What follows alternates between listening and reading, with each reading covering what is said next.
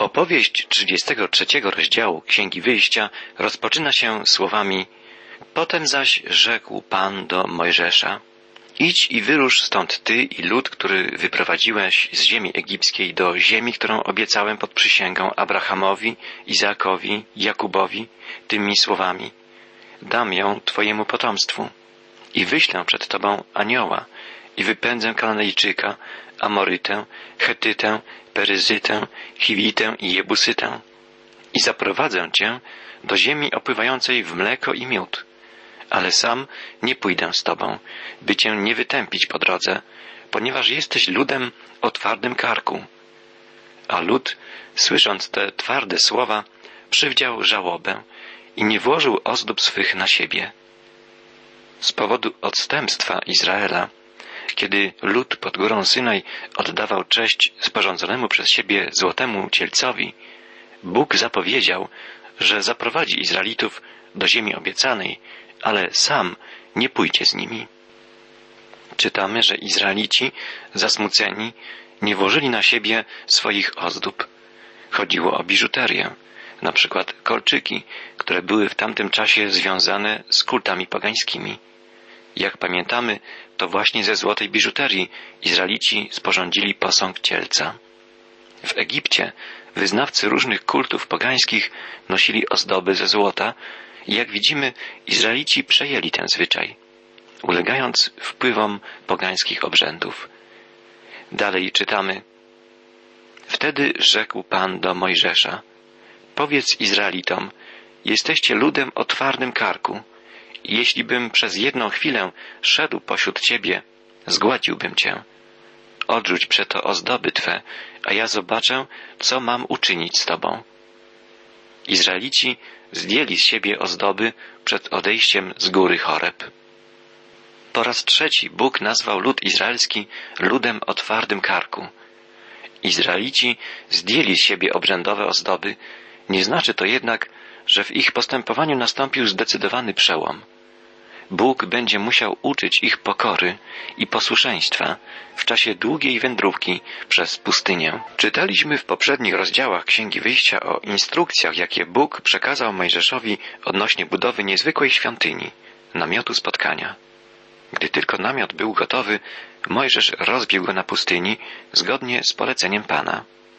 Od siódmego wiersza trzydziestego trzeciego rozdziału Księgi Wyjścia czytamy Mojżesz wziął namiot i rozbił go za obozem i nazwał go namiotem spotkania. A ktokolwiek chciał się zwrócić do Pana, szedł do namiotu spotkania, który był poza obozem. Ile zaś razy Mojżesz szedł do namiotu, cały lud stawał przy wejściu do swych namiotów i patrzał na Mojżesza, aż wszedł do namiotu. Ile zaś razy Mojżesz wszedł do namiotu, wstępował słup obłoku i stawał u wejścia do namiotu i wtedy Pan rozmawiał z Mojżeszem. Cały lud widział, że słup obłoku stawał u wejścia do namiotu. Cały lud stawał i każdy oddawał pokłon u wejścia do swego namiotu.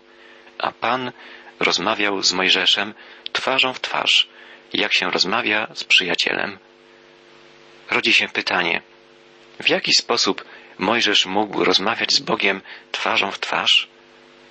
Mówiliśmy już kilkakrotnie o pojawiającym się na kartach Starego Testamentu, głównie w Pięcioksięgu Mojżeszowym, tajemniczego anioła Pana, który był widzialnym znakiem obecności samego Boga. Wielu biblistów uważa, że był to przedwcielony Chrystus. Mojżesz nie mógł rozmawiać z Bogiem Ojcem, który jest duchem. Czy więc Mojżesz rozmawiał z Chrystusem? Cała sprawa rozmów Mojżesza z Bogiem jest bardzo tajemnicza, niezwykła. W drugiej części 33 rozdziału Księgi Wyjścia znajdziemy relację, która rzuci nowy snop światła na ten problem. Od wiersza 12 czytamy Mojżesz rzekł znów do Pana Oto kazałeś mi wyprowadzić ten lud, a nie pouczyłeś mnie, kogo poślesz ze mną. A jednak powiedziałeś do mnie Znam Cię po imieniu i jestem Ci łaskawy. Jeśli darzysz mnie życzliwością, daj mi poznać Twoje zamiary, abym poznał, żeś mi łaskawy. Zważ także, że ten naród jest Twoim ludem. Jest to początek wspaniałej modlitwy Mojżesza. Mojżesz pragnie poznać Boga, pragnie doświadczyć, jak łaskawym, jak dobrym jest On Panem. Mojżesz pragnie poznać Boga. Jest to pragnienie każdego szczerego dziecka Bożego. Poznać Boga, ujrzeć Go, doświadczyć Jego dobroci, Jego miłości. Spójrzmy, jak Bóg rozmawia z Mojżeszem. Czytamy dalej. Pan powiedział, jeśli ja osobiście pójdę, czy to cię zadowoli? Mojżesz rzekł wtedy, jeśli nie pójdziesz sam, to raczej zakaż nam wyruszać stąd. Mojżesz wiedział, że nie jest w stanie o własnych siłach doprowadzić lud izraelski do ziemi obiecanej. Może uczynić to tylko Bóg. Mojżesz pyta więc, po czym poznam, ja i lud mój, że darzysz nas łaskawością, jeśli nie po tym, że pójdziesz z nami, gdyż przez to będziemy wyróżnieni, ja i Twój lud, spośród wszystkich narodów, które są na ziemi. Zwróćmy uwagę, że ze słów Mojżesza przebija ważna prawda. Bóg będzie szedł z Izraelem przez pustynię, aby dzięki temu wszystkie narody mogły dostrzec, jak potężny jest On, żywy Pan, żywy Bóg. Podobnie dzisiaj Kościół, wspólnota Chrystusowa, ma świadczyć wszystkim narodom o mocy i miłości Boga. Czytamy dalej. Pan odpowiedział Mojżeszowi: Uczynię to, o co prosisz, ponieważ jestem Ci łaskawy, a znam Cię po imieniu. Bóg w bardzo osobisty, intymny sposób rozmawia z Mojżeszem. Mojżesz także w bardzo intymny sposób zwraca się do Boga. I rzekł Mojżesz, spraw, abym ujrzał Twoją chwałę. Pan odpowiedział, ja ukażę Ci mój majestat i ogłoszę przed Tobą imię Pana, gdyż ja wyświadczam łaskę, komu chcę i miłosierdzie, komu mi się podoba. Te słowa Boga zacytował apostoł Paweł, pisząc w liście do Rzymian o wolnym wyborze Bożej łaski. Apostoł napisał i rzekł Pan Mojżeszowi, zmiłuję się, nad kim się zmiłuję, zlituję się, nad kim się zlituję. I znowu rzekł, nie będziesz mógł oglądać mojego oblicza, gdyż żaden człowiek nie może oglądać mojego oblicza i pozostać przy życiu. Tu mamy potwierdzenie, że Mojżesz nie widział twarzy Boga. Nikt ze śmiertelnych ludzi nie może patrzeć w twarz świętego, doskonałego Boga. I rzekł jeszcze Pan, oto miejsce obok mnie, stań przy skale. Gdy przychodzić będzie moja chwała, postawię Cię w rozpadlinie skały i położę rękę moją na Tobie, aż przejdę. A gdy cofnę rękę, ujrzysz mnie z tyłu, lecz oblicza mojego Tobie nie ukażę. Te słowa mówią o manifestowaniu się w sposób widzialny Bożej chwały. W Ewangelii Mateusza czytamy o powtórnym przyjściu Jezusa Chrystusa, iż wszystkie plemiona ziemi ujrzą Syna Człowieczego, przychodzącego na obłokach nieba z wielką mocą i chwałą. Chwała powracającego na ziemię Chrystusa będzie tą samą chwałą, którą Bóg Ojciec objawił Mojżeszowi. Obłok Bożej chwały w czasie powrotu na ziemię Jezusa jako Króla Królów i Pana Panów będzie znakiem wypełnienia się Bożego planu zbawienia. Jezus powiedział, kto widzi mnie, widzi Ojca.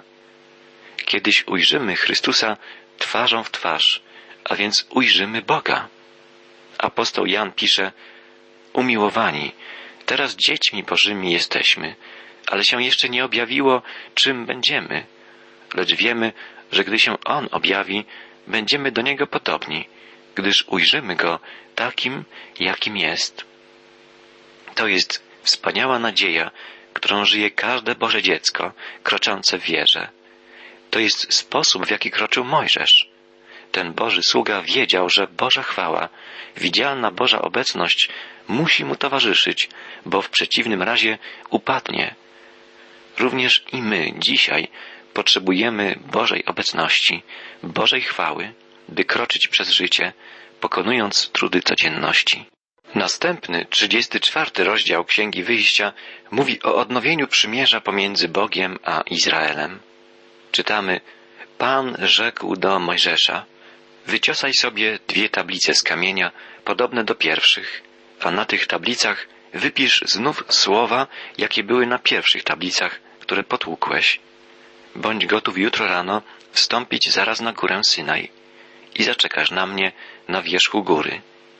Nikt nie może wstąpić z tobą i nikt nie może się pokazać na górze. Również mniejsze i większe bydło nie może wypasać się na zboczach góry. Mojżesz wyciosał dwie tablice kamienne, jak pierwsze, a wstawszy rano, wstąpił na górę, jak mu nakazał Pan, i wziął do rąk tablice kamienne. Mojżesz rozbił pierwsze tablice, gdy rozgniewał się na widok odstępstwa Izraelitów, którzy tańczyli wokół złotego cielca.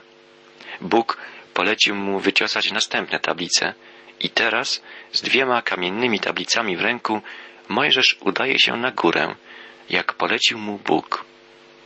A Pan stąpił w obłoku, czytamy dalej, i Mojżesz zatrzymał się koło niego i wypowiedział imię Jahwe. Przedtem czytaliśmy, że Bóg zna Mojżesza po imieniu. Teraz Mojżesz po imieniu woła Boga.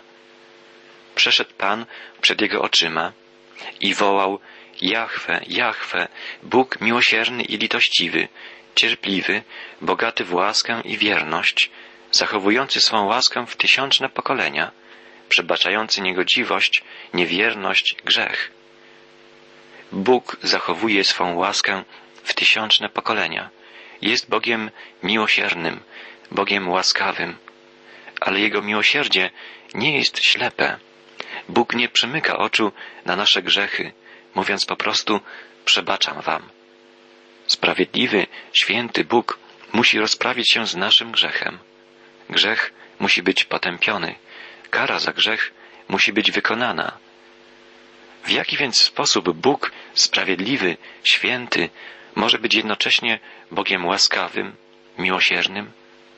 Dlatego, że została złożona ofiara jako zapłata za grzech. Ofiary zwierzęce, jakie składali Izraelici w czasie Starego Testamentu, nie stanowiły wystarczającej zapłaty za grzech. Nie usuwały grzechu, nie ścierały go.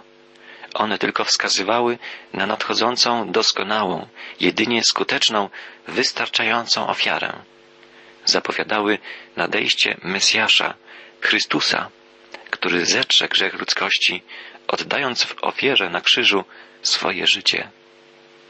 Czytaliśmy, że Bóg przebacza, że Bóg jest łaskawy, ale że grzech nie może ujść niepokutującym grzesznikom bezkarnie. Bóg nie pozostawia grzechu bez ukarania, ale zsyła kary za niegodziwość ojców na synów i wnuków, aż do trzeciego i czwartego pokolenia.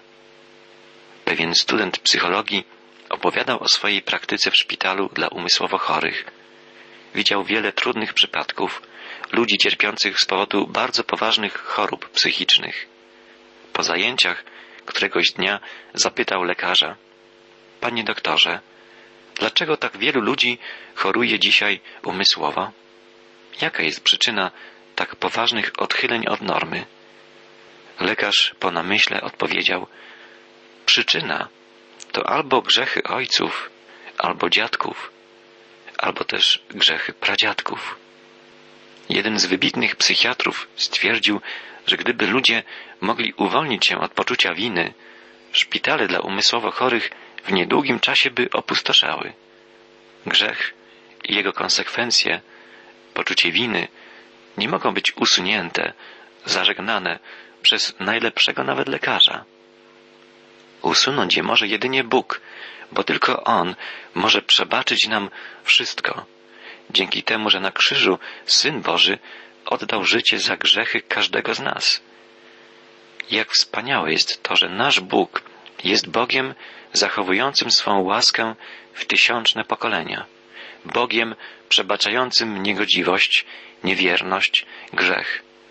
Gdy zwrócimy się szczerze do Niego, prosząc o pomoc, okaże nam swoje miłosierdzie. Dzięki Jego przebaczeniu, dzięki Jego łasce możemy żyć w pokoju, pojednani z Bogiem i z ludźmi. Rozmawiając z Bogiem, Mojżesz wiele razy wstawiał się za swymi rodakami, prosił Boga o przebaczenie dla całego ludu izraelskiego.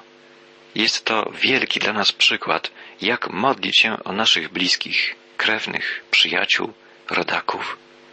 Przysłuchajmy się dalszej modlitwie Mojżesza. Od ósmego wiersza trzydziestego czwartego rozdziału Księgi Wyjścia czytamy I natychmiast skłonił się Mojżesz aż do ziemi i oddał pokłon, mówiąc Jeśli darzysz mnie życzliwością, Panie, to proszę, niech pójdzie Pan w pośród nas. Jest to wprawdzie lud o twardym karku, ale przebaczysz winy nasze i grzechy nasze i uczynisz nas swoim dziedzictwem. Mojżesz utożsamia się ze swoim ludem. Prosi, przebacz nam, Panie, nasze winy, nasze grzechy. Jest to bardzo ważne, żeby modląc się o innych, uświadamiać sobie także swoją grzeszność, żeby nie czuć się kimś lepszym, żeby się nie wywyższać. Gdy wstawiając się za innych, prosimy Boga z pokorą o przebaczenie także dla siebie, Bóg przyznaje się do takiej modlitwy. Tak było w przypadku modlitwy Mojżesza. Pan odpowiedział, Oto ja zawieram przymierze wobec całego ludu Twego i uczynię cuda, jakich nie było na całej ziemi i u żadnych narodów. I ujrzy cały lud, wśród którego przebywasz, że dzieła Pana, które ja uczynię z Tobą, są straszne. Dzieła Pana będą straszne w tym sensie, że będą siały postrach wśród wrogów Izraela. Bóg będzie ochraniał swój lud cudowną swoją mocą, jakby tarczą. Gdyby tego nie czynił, liczni wrogowie Izraelitów rozbiliby ich w proch. Przestrzegaj tego, co ja dzisiaj Tobie rozkazuję, a ja wypędzę przed Tobą Amorytę, Kananejczyka, Chetytę, Peryzytę, Chiwitę i Jebusytę. Bóg po raz kolejny obiecuje, że wprowadzi lud izraelski do ziemi obiecanej. Wypędzi stamtąd ludy pogańskie, wśród których szerzy się bałwochwalstwo i niemoralność. Bóg jednak wyraźnie stawia warunek. Mówi, przestrzegaj tego, co ja dzisiaj Tobie rozkazuję. Lud izraelski musi okazać Bogu posłuszeństwo, musi przestrzegać Jego przykazań. Wtedy Pan wprowadzi ich do Kanaanu. Strzeż się zawierania przymierza z mieszkańcami kraju, do którego idziesz, aby się nie stali sidłem pośród was. Ta przestroga została zlekceważona, gdy Izraelici weszli już do Kanaanu i z tego powodu mieli potem wiele problemów. Bóg wiedział, że jeśli Izraelici sprzymierzą się z jakimkolwiek ludem pogańskim, wpadną w pułapkę bałwochwalstwa. Bóg ostrzega lud izraelski, Strzeż się zawierania przymierza z mieszkańcami kraju, do którego idziesz, aby się nie stali sidłem pośród was. Natomiast zburzcie ich ołtarze, skruszcie czczone przez nich stele i wyrąbcie aszery. Nie będziesz oddawał pokłonu Bogu obcemu, bo Pan ma na imię zazdrosny, jest Bogiem zazdrosnym. Bóg jest jedynym prawdziwym, żywym Bogiem. Jest osobą, osobą, która kocha i która pragnie, by jej miłość została odwzajemniona. Jeśli mąż nie jest w zdrowym sensie tego słowa zazdrosny o swoją żonę, to znaczy, że jej nie kocha. Gdy kogoś naprawdę kochamy, pragniemy, by ta osoba była nam oddana, wierna, nie chcemy dzielić jej z innymi. Bóg kocha nas i pragnie, byśmy odwzajemniali Jego miłość oczekiwał miłości ze strony ludu Starego Przymierza i oczekuje miłości także od nas, chrześcijan. Drogi przyjacielu, chcę na koniec postawić Ci pytanie. Czy wiesz, że jedyny prawdziwy, żywy Bóg kocha Ciebie? I równie ważne, czy odwzajemniłeś Jego miłość? Zastanów się i odpowiedz, czy kochasz Boga?